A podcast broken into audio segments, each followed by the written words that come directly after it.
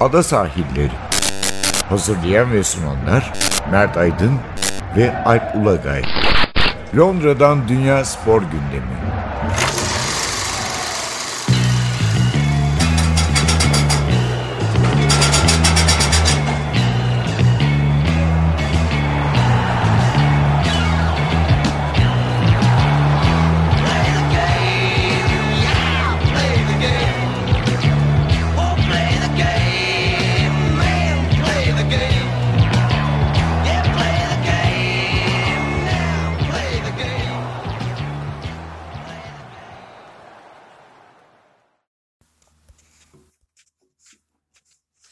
Ada sahillerinden merhabalar. Ben Alp Ulagay.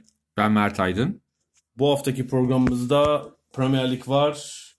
Ee, bunun dışında e, UEFA'nın yayınladığı Avrupa Futbol Görünümü raporunu yani Avrupa kulüp futbolunun ekonomisini biraz konuşacağız ve en sonunda da Avustralya açığı konuşacağız.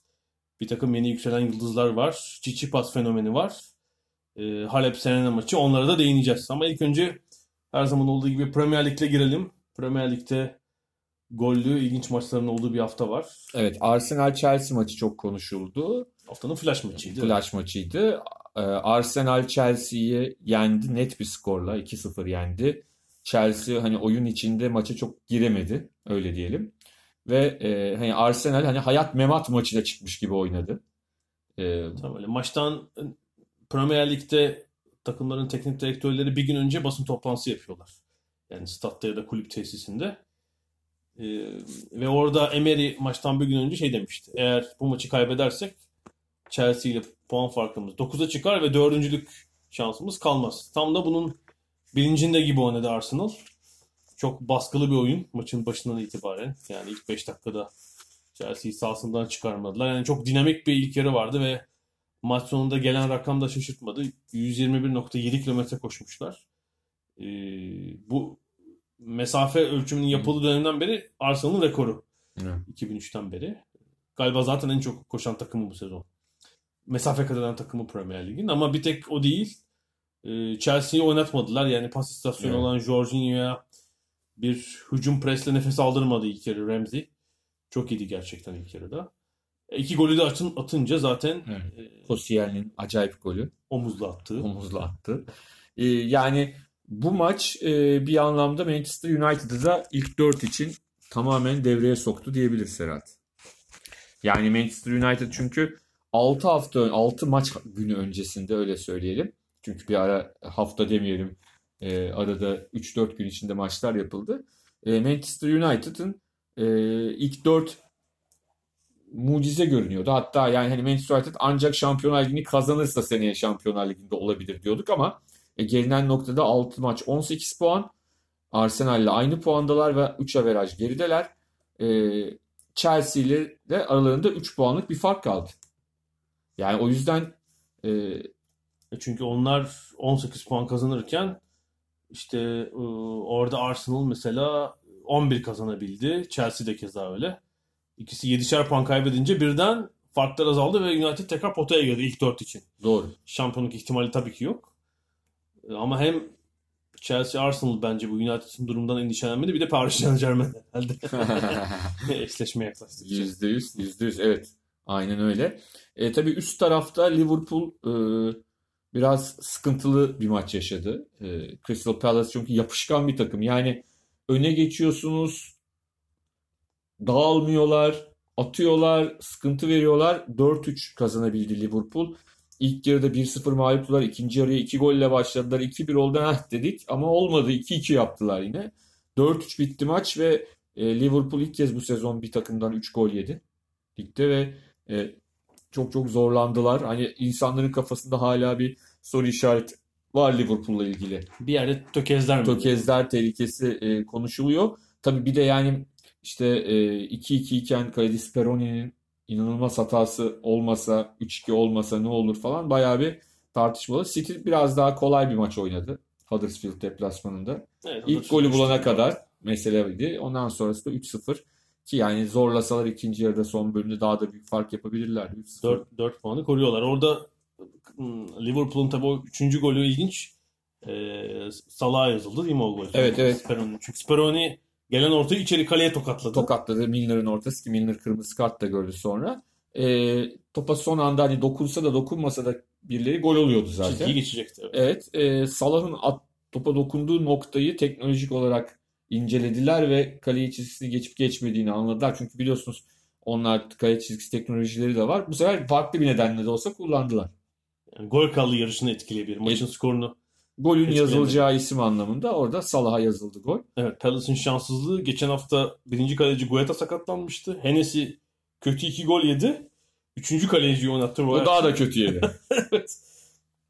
Bilmiyorum Guetta dönecek mi? Çünkü Palace oyununa göre daha iyi bir yeri hak ediyor. Daha iyi Evet. puanı hak ediyor en azından. Evet. Alt taraf şöyle oldu. Ee, açıkçası e, Huddersfield'ın ve Tottenham'a da 1-0 öne geçip kaybeden Fulham'ın şansları azalıyor. Hatta yani, yani Huddersfield'ın zaten görünüm olarak da pek ligde kalma ihtimali kalmadı. Sadece matematik bilimine e, bağlı olarak ligdeler. E, Fulham'ın da işi çok zor. Yani bu hafta da e, önümüzdeki işte hafta e, kupa maçları var. Gelecek hafta Sonraki için. hafta gelecek hafta içinde e, bir galibiyet alamazsa evinde Brighton önünde artık e, mucizeler de kurtaramayacak onları ki şu anda bile çok zor işleri. Yani Newcastle'la 7 puanlık bir fark var ve zaten Bir de averaj aleyhlerinde. o zaten var. Bir de e, zaten hani 23 maçta 14 puan alabildiler. Şimdi kapatmaları gereken puan farkı 7. Yani Yani o işleri zor. Kalan 15 maçta 20 puan belki yeter yani. Değil mi? 20 Hayır. 22 almak. Ama işte zaten 23 maçta 14 almışsın. Bir anda bu e, şey olabilir mi? Kolay değil. Diğer taraftan Newcastle çok değerli bir galibiyet aldı. Cardiff'i alta etti. E, Burnley puan aldı. Southampton kazandı ve e, Hasenhüttl'la çok ciddi bir çıkış yaptılar. Yani onu söylemek gerekiyor. Bir anda Southampton son üçün parçasıydı. Hasenhüttl geldikten sonra 8 maçta 4 galibiyet bir beraberlik. evet. 13 puan alınmış. Ki yani o alt tarafta işte sonuncunun 11 puanı var zaten. Hani puan zaten o kadar zor alınıyor ki. O yüzden e, Southampton'da önemli bir iş yaptı ama tabii ki daha işleri bitmedi. Yani e, başta o kadar büyük puanlar kaybedilmiş ki sadece işte 3-4 maç Evet. kazanınca Yani Southampton bundan sonraki 5-6 haftada e, Burnley, Cardiff ve Fulham'la oynayacak. İkisi içeride. yani kendi göbeğini kendisi kesecek Evet, diyebiliriz. yani orada bir 6 puan falan alırlarsa onlar artık oradan Zaten bence şey bile yeterli yani neredeyse. Cardiff'i yenmeleri bile yeterli. Ee, öbürlerinin ikisini birden kaybetmeden birini berabere bile bitirseler en azından. e, Cardiff'i yenmeleri bile yeterli olabilir onlar için. Çünkü Cardiff'te havlu atabilir. Tabii Newcastle'ın performansı önemli. Newcastle çünkü bu hafta City ile oynayacak. İşleri orada da çok kolay değil ama evet, transfer yapmıyorlar çünkü gözüktüğü üzere pek. ekleme evet ama e, Newcastle'ın özellikle Cardiff galibiyeti çok değerliydi. söylemiştik. Alttaki takımların hepsi de içeride oynuyor. Yani Cardiff'le oynadılar. Huddersfield, Burnley ve Southampton'da Ki var. Huddersfield Burnley maçları 23 Şubat 27 Şubat 4 gün arayla.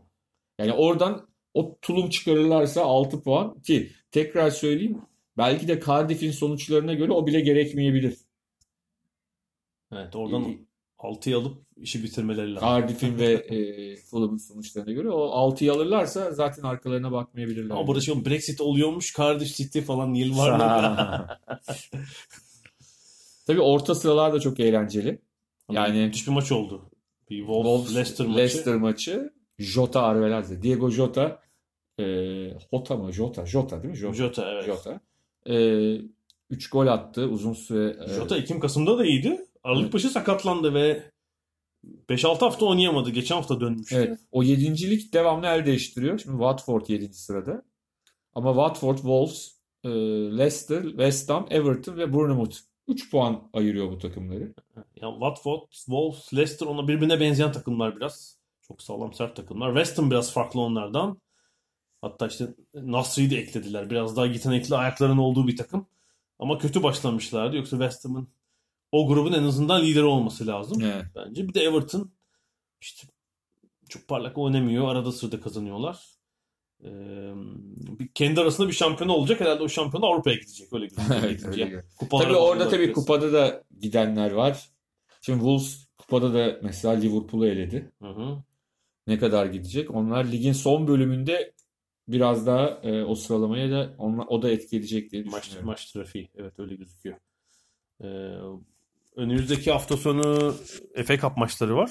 Ben hatta e, Arsenal Chelsea maçındayken arka sıralarda şöyle konuşmalar geçti. Cuma'ya görüşürüz diye konuşuyorlar. Birden anlayamadım ne konuştuklarını. Tabii ki Cuma günü oynanacak Arsenal Manchester United FA Cup 4. tur maçı için Ve tabii e, şimdi burada e, ana yayıncı yani şifreli yayın yapan BT Hı hı. ama onun yanında BBC de maç veriyor FA Cup'ta. Evet. Ve Arsenal Manchester United maçı BBC One'dan BBC birinci kanaldan e, Açık kanaldan. açık kanaldan yani. Hatta kamu yayıncısı işte Evet. bunun. Reklamsız. reklamsız onu da söyleyelim. E, herhalde bir rating rekoru kırarlar diye düşünüyorum. Cum muhtemelen Cuma akşamı e, herhalde öyle olacaktır. Bir de bu turun zaten en flash e, eşleşmesi. Evet. O saatte başka maç da yok.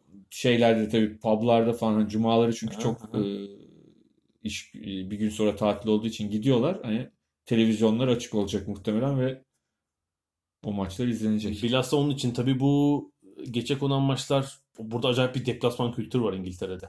Deplasman takımlarının seyircileri şikayetçi oluyorlar bazen. Geçen hafta e, avam kamerası gündemine de geldi. Blackburn Newcastle galiba.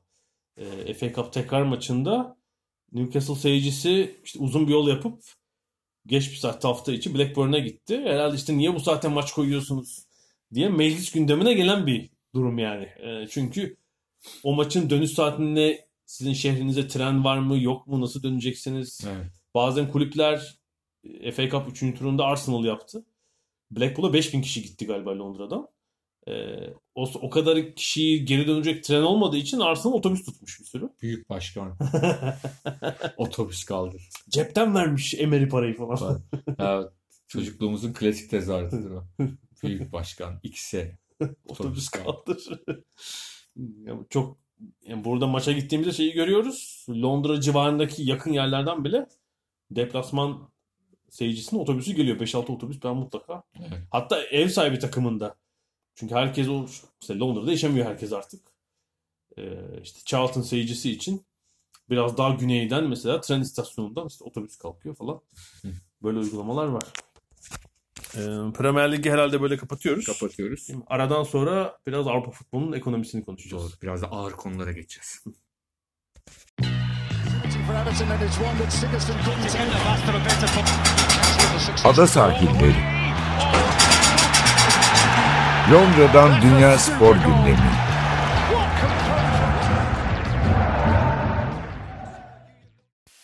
Ada sahillerinin ikinci bölümünde de biraz Avrupa futbol ekonomisini konuşalım. Evet. Geçen hafta hatta Cuma günü UEFA her yılın başında olduğu gibi Avrupa futbol görünümü raporunu açıkladı. Bu Avrupa kulüp futbolu üzerine e, her yıl hazırladıkları bir rapor. E, sadece ekonomi değil işte seyirci, stadyumlar yani Avrupa'daki tüm UEFA üye ülkelerin kulüplerinin ekonomisi nasıl gidiyor? Durumu sağlıklı mı? E, biraz onun hakkında konuşalım. Çünkü şeyin sınıfın kötü öğrencisi Türkiye gibi gözüküyor. Ne kadar şaşırdım ben. Yani sen yolladın ya okurken kendimi inanamadım yani nasıl böyle olabilir? Her yıl iyi öğrenci olan Türkiye ne oldu böyle? Falan. Evet şöyle şeye bakıyoruz görünümü yani kulüpleri borç batağında olmayan, bankalara borcu olmayan Değil mi? E, Seyir, kulüpler bizde. seyirci ortalaması 37 bini bulmak üzere değil mi Türkiye Ligi'nde? Ütopik bir tablo öyle. Şimdi 20 milyar avroluk bir e, kulüp ekonomisi söz konusu Avrupa'da. Tabii bunun %74'lük yani 4'te 3'lük bölümünü 5 büyüklük oluşturuyor. Evet. İngiltere Ligi, Premier Lig daha doğrusu en üst lig zaten 5 milyar euroyu geçmiş durumda. Buranın ekonomisi. İşte İspanya 2.9 milyar euro neredeyse. Almanya 2.8, İtalya 2.1 ve en altta Fransa 1.6. Bu uzun süredir değişmeyen bir çizgi gibi. İspanya Almanya'yı geçti. Geçmiş yani gördüğümüz üzere. Onlar çünkü yayın ım, hakları dağılımında bir havuz sistemine geçtikten sonra biraz o şeyi büyütmeyi başardılar. O olanı ama Ve Real Barcelona üzerinden gidiyordu. Evet. Ee, Premier Lig'e bu anlamda rakip olabilecek bir lig pek gözükmüyor yakın gelecekte. Yani fark e, giderek açılıyor. İşte Almanya, Fransa'nın daha doğrusu Almanya, İspanya'nın toplamı e, İngiltere'yi ancak geçiyor yani. Belki 200 milyon, 300 milyon euroluk bir fark olur. Sonra tabii Fransa'dan sonra büyük bir boşluk var. 800 milyon euroluk Rus ekonomisi ve 730 milyon euroluk Türkiye var. Türkiye Evet. Süper Ligi. Ee, Biz peki sana uzmanlık sorusu. Gelirde yedinciyiz ama mesela UEFA sıralamasında kaçıncıyız? Ligler sıralamasında. Çok güzel bir soru. Yani bu birinci karşılaştırılacak şey bu olabilir. Türkiye nerede gidiyor? 10-11 değil mi? Uzun yıllardır böyle. 8 olduğumuz hatırlıyorum. 90'ların sonunda oldu. O zaman zaten e, durumu daha iyi Evet. biliyoruz. Yani o zaman gibi olmadığımız açık zaten Hı hı futbol olarak. Yani en basit gösterge bu. Ee, Yani o altımızda görünen Hollanda, Portekiz, Belçika bizim üzerimizde sanırım değil mi? Yani mali ekonomi olarak e, Altımızda görünen. Türkiye Süper Lig'in 200-300 milyon euro gerisinde gözüken ülkeler. Ee, Portekiz, Portekiz hep yukarıda mesela. Portekiz takımları UEFA'nın Kulüpler kulüp sıralaması. sıralamasında hep yukarıda. Ee, Ukrayna oluyor. Genelde bu şeyde herhalde bu raporda Ukrayna yok. Ee, Ukrayna'yı göremiyorum. Yani alınmayan UEFA'nın herhalde inceleyemediği bir takım verileri alamadığı ülkeler var. Ukrayna genelde geçiyor. Ya da anlayamadı. Evet, olabilir. Tabii mesela Türkiye'nin e, en çok zarar eden lig Türkiye Süper Ligi. Yani o- Avrupa bu Financial Fair Play ile birlikte birçok lig ve kulüp çeki düzen verdi mali durumuna. Ben yeni bir şey okudum. E, e, UEFA bu şeyden dolayı Manchester City'ye Football Leagues'ten dolayı bir soruşturma Evet. şeyi yollamış. Hı hı. Onlar da siz önce güvenliği sağlayın. Hackleyip aldılar bizden bu bilgileri. Bizim kulüp güvenliğimizi sağlayın şeklinde. Hani Hacker yakaladılar bu arada geçen hafta. Macaristan'da bir Portekizli yakalandı. Futbol X'e verileri sızdıran hacker olduğu söyleniyor. Bakalım göreceğiz onun devamında. Ee, şey de tabii ilginç. Yani Rus futbol ekonomisi de çok garip. 813 milyon euro %61'i sponsorlardan geliyor. Tamamen şişirilmiş yani o sponsor dediği de aslında kulüplerin sahipleri zaten Gazprom falan. Şişirilmiş bir ekonomi. Doğru dürüst bir yayın hakları geliri yok. Seyirci geliri yok. Ee, çünkü Türkiye'de de o durum var. ya yayın haklarının biraz şişirilmiş olduğunu biliyoruz. Ama o da Türkiye'de. şöyle indiriliyor. Yani belirli bir e, döviz kuru Sabitleniyor. sabitleniyor. Hı. O zaman da e, hani o bilmem kaç yüz milyon dolar dediğin şey o kadar yüz milyon dolar olmuyor. Zaten buradaki rakamların bir kısmı e, yani mali rakamlar 2016-2017'ye ait olabilir. Halbuki 2018 yazından itibaren Türk lirası büyük değer kaybetti. Yayın, yayın gelirinde kur sabitlemesi var. Yani bir sonraki gelecek senenin raporunda bu 730 milyon euroluk Süper Lig'in geliri bir 100 milyon euro aşağı inebilir. Yani 600 milyon euro civarına inebilir. E, Türkiye'nin ya Süper Lig'in konumu Avrupa'da yine iyi ama tepeyle fark çok iyi açılacak. Tabii. Öyle gözüküyor. Onlar çünkü gelirlerini arttırmaya devam ediyorlar. Yani bu rapordan e, sızan bir bilgi Liverpool e, gele- geç, ge- geçen sezon e, herhalde 100 milyon e, euroluk bir kar açıklayacak. Avrupa rekoru olacak. Öyle gözüküyor. E, seyirci konusu ilginç tabii. Ha, bir de Avrupa'nın en fazla gelir elde eden kulüpleri var. Hı hı. 30 takım arasında bir Türk takımı yok burada. Bir dönemde Galatasaray'ın girdiğini, Fenerbahçe'nin de girdiğini görmüştük. Evet. Geldiğimiz noktada Şu an ilk 30'da yok ve tabii İngiltere Ligi'nin, Premier Lig'in orta hatta alt sıra takımları bile e, bu listeye girebiliyorlar yani 13. Ay, benim sorum şu. O zamanki rakamları hatırlamadığım için Hı. belki sen hatırlarsın. Hı. Hatırlayan olursa da belki sosyal medya üzerinden bizi aydınlatır. Bizim kulüplerimiz ilk 20'ye girebildiklerinde gelir anlamında. O gelirler mi düştü euro anlamında yoksa diğerlerinin gelirleri giderek artıyor mu? Yani bu düşüşün bu düşüş neyin sonucunda? Evet yani Deloitte'un açıkladığı rapor var ki belki biz bizi dinlediğinizde açıklanmış olur. Ocak ayında yeni raporlarını açıklayacak onlar da. Perşembe günü ayın 24'ü oluyor galiba. Mesela ilk 20'yi açıklar onlar genelde. Evet. Kerteriz alırlar. Burada ilk 20'ye giren UEFA'nın raporunda Everton'ın geliri 200 milyon euro. Yani bu böyle bir gelir elde eden Türk, Türk takımı olmadı henüz ama yanlış hatırlamıyorsam Deloitte'un listesine girdiğinde Fenerbahçe, Galatasaray işte 140 milyon, 150 milyon euroluk gelir elde etmişlerdi. Hani belli bir sezon. Bu bir süreç olmadı tabii. Evet.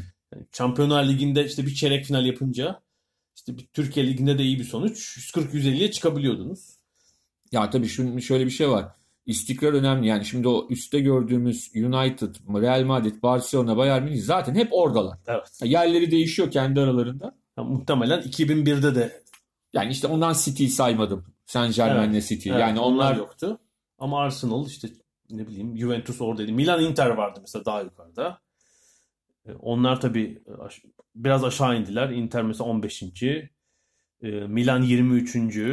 İtalyan takımları biraz- 2000'lerin başına dön. Borussia Dortmund orada bininci falandır herhalde. Hani iflas etmişlerdi, çökmüşlerdi. Alman ligi zaten evet böyle değildi. Onlar pazarlama anlamında da çok aşama kaydettiler. İtalyanlar biraz daha yukarıdaydı burada. İngilizler yine vardı işte.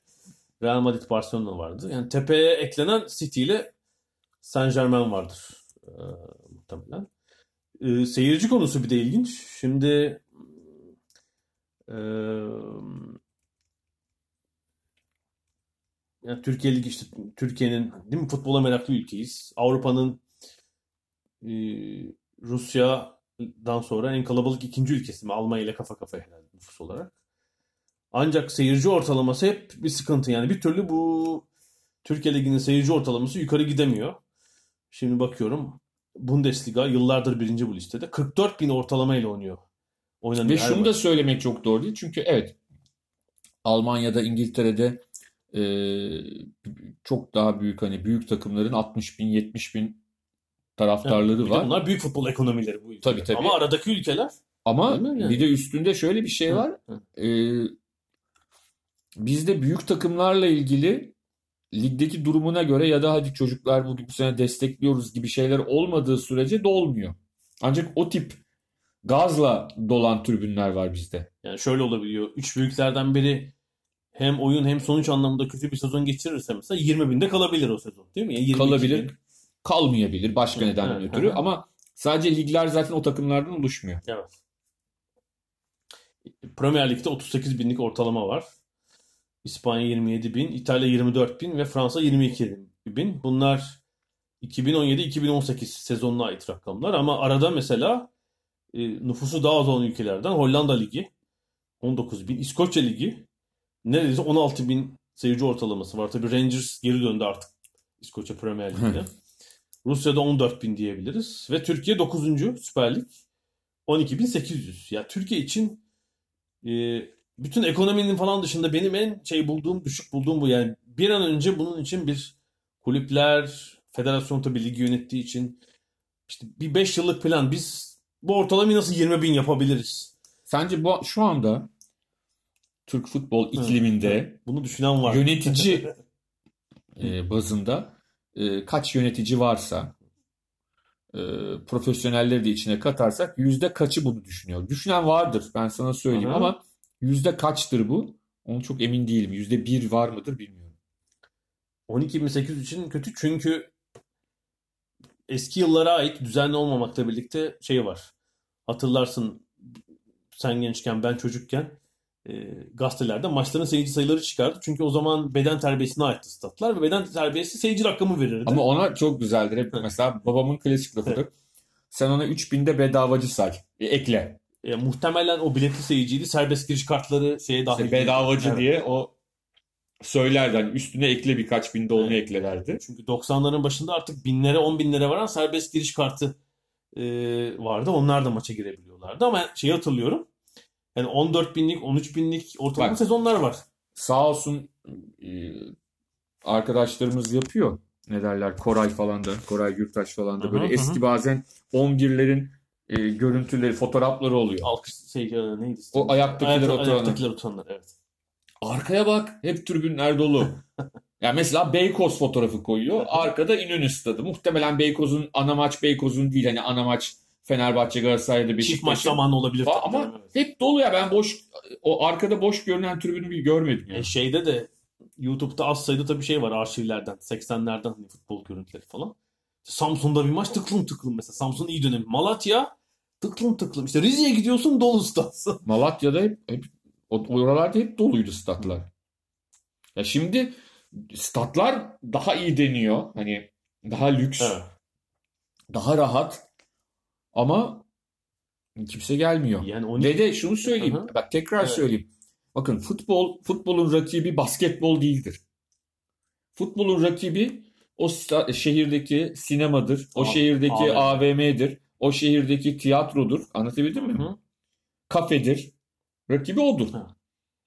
eğer bir öncelikle onu düşüneceksiniz ve ona göre işte artık iyi futbol oynamak birçok şey o e, orada Ulaşım sunacağınız yani- imkanlar Stada ulaşım kolay mı? Kolaylaştırabiliyor musun? Hepsi. İçine girildiğinde bütün olanaklar var mı? Aynen. Bunların hepsi çok önemli. Mesela benim anlayamadığım şeyler var. Şimdi her şehirde Türkiye'de bilmiyorum detaylı olarak Hı hı. ama bazen o şehirden insanlara denk geldiğimde sorduğumda haklı olduğumu görüyorum. Şimdi şehir ismi vermeyeceğim ama soruyorum mesela diyor ki abi bir şey yok ki orada diyor. Ben oralıyım diyor. Hı hı. Yani adam niye maça gitmiyor çözemiyorum diyor. Çünkü hani şeyi yok diyor. Rekabet edebileceği bir şehirde bir Evet, şey İstanbul yok. gibi değil. İstanbul'da tabii 5000 tane farklı yapacak şeyiniz var belki. Birçok şehirde var da. Aha. Mesela bazı şehirler Evet, isim anladım. vermeyeyim dediğim gibi. Soruyorum oralı. Oralı olduğu için de hani güvenerek soruyorum. Anladım ya fut, Süper Lig maçı ya da neyse birinci lig maçı o şehrin hala en büyük etkinliği. Aynen öyle. Aynen öyle. Evet hala öyle. Ya bu da şey de var. Bazı insanlar artık işte rahat rahat evinde oturup bütün ligleri televizyondan Hı hı. parasını verip izleyebilme şansına sahip olanlar var. Bazısı da demek ki yani ben çok zorlamak gerektiğine de inanmıyorum. Yani bir yerde bir şehirde bir spor dalına karşı ilgi yoksa bunun için çaba gösterildikten sonra da hala o ilgi yoksa çok fazla o, e, bunun üstüne gidilmemesi gerektiğini düşünüyorum ama ne oluyor? Rant var. İlgi yok ama rant var. Rant olduğu için de doğal olarak zorlanıyor bazı şeyler ama yani e, tribüne kimse gelmiyor. Kimi diyor ki çok para olduğu için. Abi bazı kulüpler biliyorum yani çok da para değil açıkçası. Ee, şöyle bu UEFA'nın raporunda Avrupa'daki ortal hmm, şöyle hmm, e, ortalama bilet fiyatları vardı. E, aynı zamanda. Mesela e, Saint Germain birinci orada 86 euroymuş. Bayağı pahalı. İşte İngiliz takımları var. Real Madrid falan. 11. Galatasaray 48 euro Galatasaray'ın ortalama bilet fiyatı. Fenerbahçe 47 euro. E, Beşiktaş'ı göremiyorum ilginç şekilde orada değil. Ama bu tabii İstanbul'a özel bir durum. Evet. Ya bu üç büyüklere olan talep İstanbul'un nüfusu anlaşılabilir. Yani küçük şehirlerde bilet maç bileti bu kadar pahalı mı? Tahmin etmiyorum. Hele her tribün için değildir. Bazen deplasman seyircisine fahiş fiyat uygulandığını görüyoruz ama Evet deplasman seyircisi değilsen bence çok pahalı değil birçok şehirde. z- zannetmiyorum. Ee, bir tek işte yani Türkiye özelinde çok az seyircisi olan takımlar var. Yani Başakşehir, Kasımpaşa hani ortalamayı düşüren. Alanya veya Akhisar'da da seyircinin çok fazla olmadığını biliyoruz. Ama yeni yapılan statların kapasiteleriyle 12 binlik ortalama bence çok uyuşmuyor. Yani bu sıkıntılı. Ha, Türkiye'nin seyirci de aynı grupta bulunduğu takımlar, e, ülkeler çok daha az nüfuslu. İşte e, Zaten o kadar kişi Evet. yaşıyor orada. İskoçya'yı düşün 5 milyon, 5,5 milyon nüfus var. Ortalama daha fazla. Yani bu seyirci konusu belki el atılması gereken bir alan. Türkiye'nin ama önde olduğu başka bir konu. Yeni stadyumlar. UEFA raporunda buna yer vermiş. 2009-2018 arasında toplam 10 yılda Polonya'da 27 yeni stadyum yapılmış ya da yenilenmiş. Ee, Türkiye'de ise 28. Ee, 26 pardon. Ee, ikinci yani bu konuda. Almanya ve Rusya 16 ile ardından geliyorlar. Yani bol bol stat yapılmış Türkiye'de. Ee, ve bu arada benim hep değindiğim konu Avrupa'daki Avrupa liglerinde stat sahipliği rakamı var. Türkiye'de stadının sahibi olan hiçbir Süper Lig takımı yok. Statlar yani kamuya ait sonra herhalde kamu üzerinden kiralanıyor bir şekilde tahsis ediliyor kulüplere. Buna karşılık mesela İngil- İngiltere Premier Ligi'nde 15 takım stadının sahibi. İspanya'da 16. Almanya'da 9. İtalya biraz Türkiye gibi. Böyle bir durum da var. Bir de işte şey yaptığımız üzere herhalde Deloitte da şey açıklayacak. Bu hafta dünyanın en zengin kulüpleri listesini orada da bu son Hatta o zengin lafı çok bana doğru gelmiyor. Çünkü Gerçi zengin gelir. de, zengin de Gelir, orada evet. da. Ee, Çünkü gelir var bir de gider var.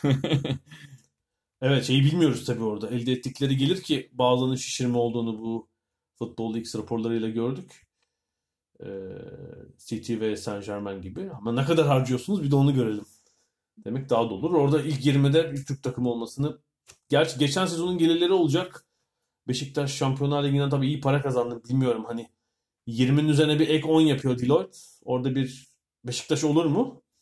belki geçen sezonun rakamlarıyla olabilir. Yani şey olmadan e, Türk lirası da değer kaybetmeden e, geriler alınacağı için e, Beşiktaş'ı belki şeyde görebiliriz yani 21-25 e, grubunda belki bir görme ihtimali olabilir. E, ne yapalım bir ara daha verelim mi? Verelim. Sonra da tenis konuşacağız.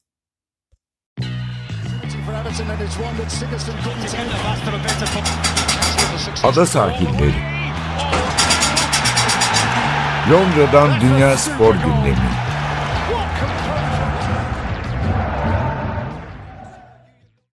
Ada sahillerinin son bölümünde de tenis konuşuyoruz yine. Tıpkı geçen hafta olduğu gibi. Avustralya açık devam ediyor. Yılın ilk Grand Slam'i artık çeyrek finallerdeyiz. Biz yani programı dinlediğiniz bölümde e, belki siz dinlerken yarı finalistler hatta finalistler belli olmuş olacak ama şu ilk bir haftaya 8-9 güne bir bakalım. E, herhalde en flash e, sonuç e, erkeklerde Çiçipas'tan geldi. Kadınlarda da merakla beklenen bir Halep Serena e, maçı vardı. Dördüncü turda. E, şimdi bu erkek tenisinde işte son 15 yıla 10 yılda değil 15 yıla damga vuran bir üçlü var. Önce Federer, sonra Nadal, sonra Djokovic geldi ve son 60 Grand Slam'in 50'sini kazandı bu üçlü aralarında. Yani ancak kırıntıları bıraktılar işte geri kalanlara ve Sakatken falan bir şey. Evet, 2004 Şubat'ından bu yana da e, üçünün dışında bir numara olabilen sadece Murray var arada. Bir Evet. 40 hafta falan. Yani bir numarayı da bırakmıyorlar dünya sıralamasında ama bir yeni gelen bir kuşak var aşağıda. Ee, işte Çok kuşak eskittiler arada. tabii yani şey 88-95 arası doğumlular diyorum pek böyle bir şey kazanamadılar. İşte Çil için var bir Grand Slam'i falan. Ee, çok sınırlı çünkü. Arada şey alanlar da yani Wawrinka, Murray hep daha yaşlılar onlardan. Şimdi 96-97 sonrası doğan hatta işte 98 Ve de bu adamları bu üçlüyü izleyerek birçoğu bunlara hayran. Yani hani şeyleri ne derler? Rol modelleri bunlar. Çünkü 5 yaşındayken televizyon karşısında Federer, Federer izliyor. Wimbledon kazanan Federer'i. Aradan tabii 15 sene geçmiş. Hala Federer var. Ee, Tsitsipas gerçekten müthiş bir Federer maçı oynadı. Ben Kasım ayında Londra'da ATP Finals'ı izlerken işte bir anket yaptım gazetecilerle. Yani bu yıl patlama yapması beklenen isimlerden biri oydu. Zverev zaten bir çıkış yaptı. ATP Finals'ı aldı işte dünya 4 numarası. Ee, Tsitsipas ama Yunan tenisçi hani ilk ona girmesi hatta belki Grand Slam'lerde e, final oynaması beklenen isimlerden biriydi ve patlamasını da şeyde yaptı. Evet, görkemli Melbourne'de yaptı gerçekten. galibiyet. İlginç bir maç. Yani e, 4 tane tiebreak seti.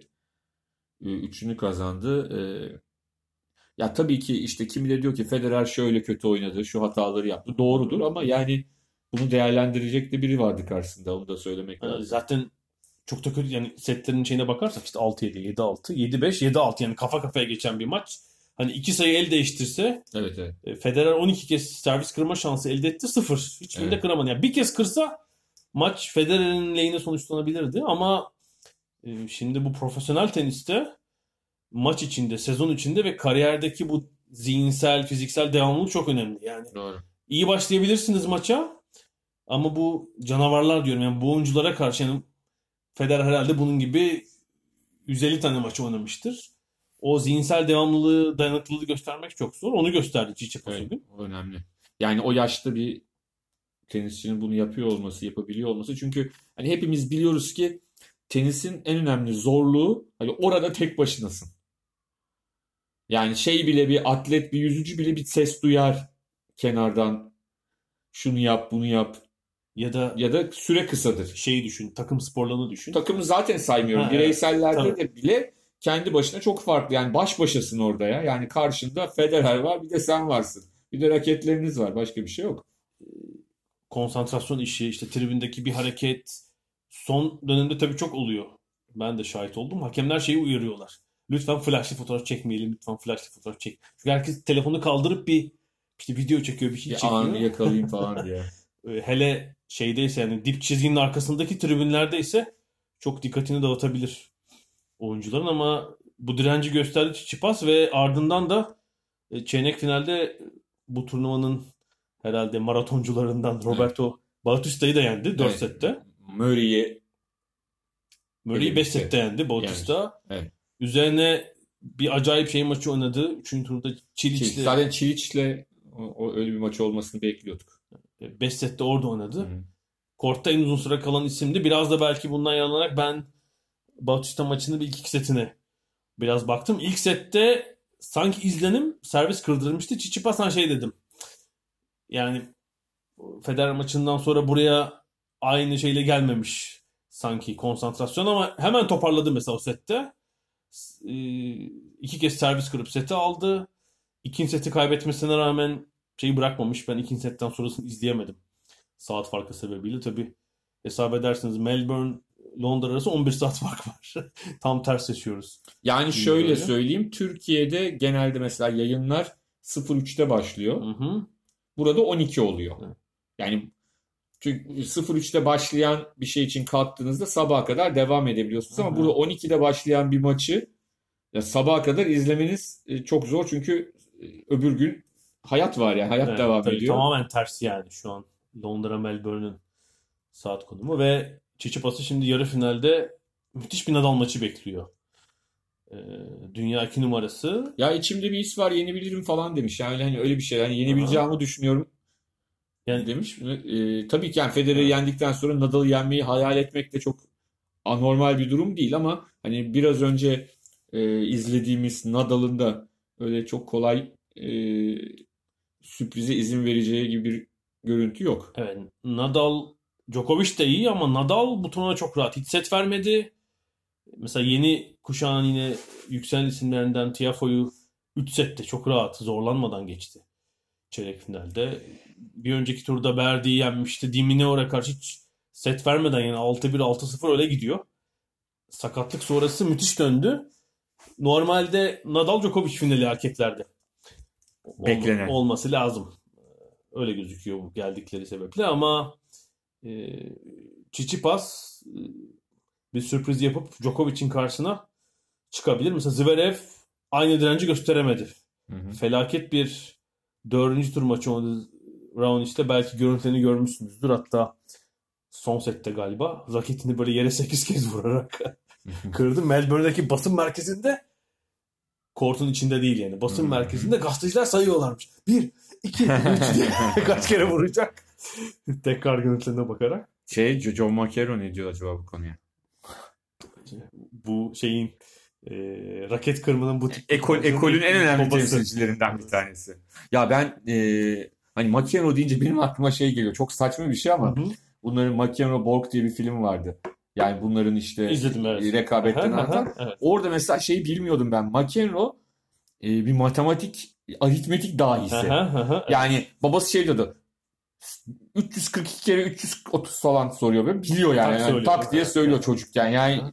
çok orijinal bir karakter o da. Şu aslında acayip akademik kariyer yapabilirmiş mesela Tabii, tabii. o zekayla ama. Babası da ilginç mesela. Babası e, normal liseyi bitirdikten sonra parasızlıktan üniversiteye ilk başta gidememiş. Sonradan dışarıdan okuyarak hukuk fakültesini bitirmiş ve sonra çok ünlü bir avukat olmuş. Yani hani babası da çok değişik bir adam Güzel zaten. filmdi evet ben de festivalde izlemiştim. Ee, Djokovic evet biz programı çektiğimiz sırada Nishikori çeyrekinden hızlanıyor ve Raonic bu galibiyle oynayacak.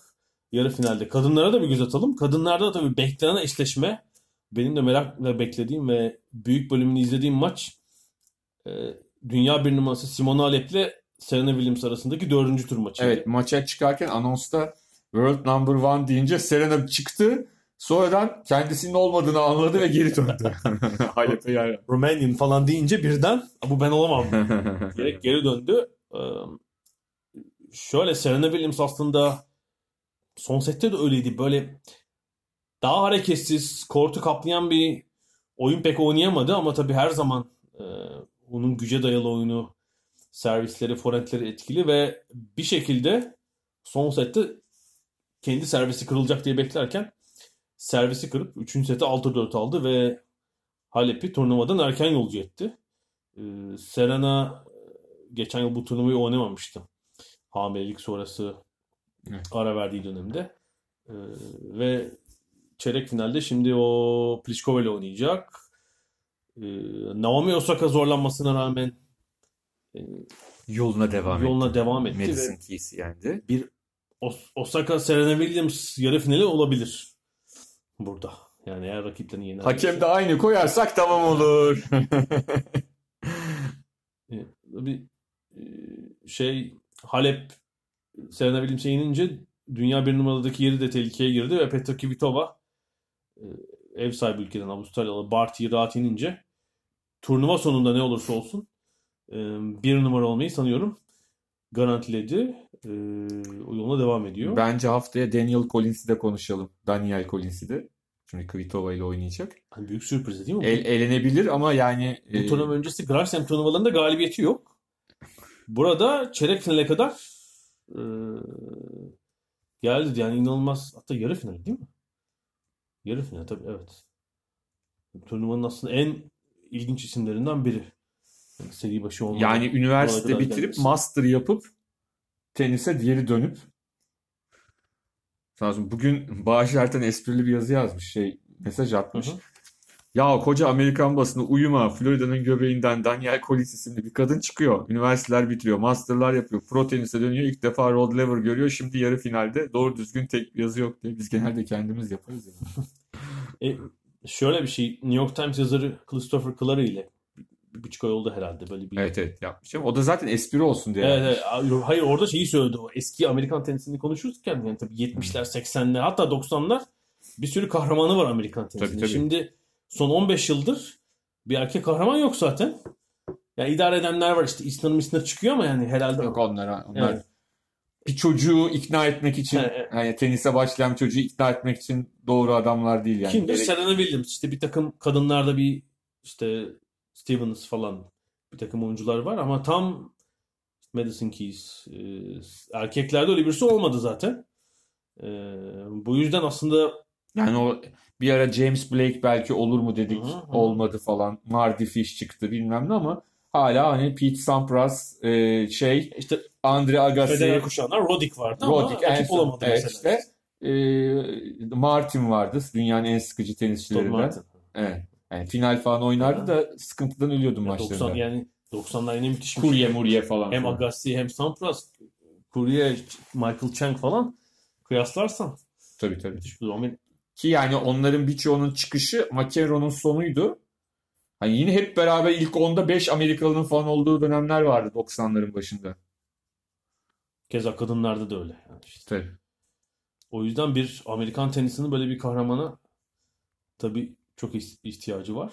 Ee, kadınlarda ne olur? Yani sanki Serena Williams Osaka yarı finali oynar. Oradan da bir Kvitova ile birisi final mi oynar? Ha.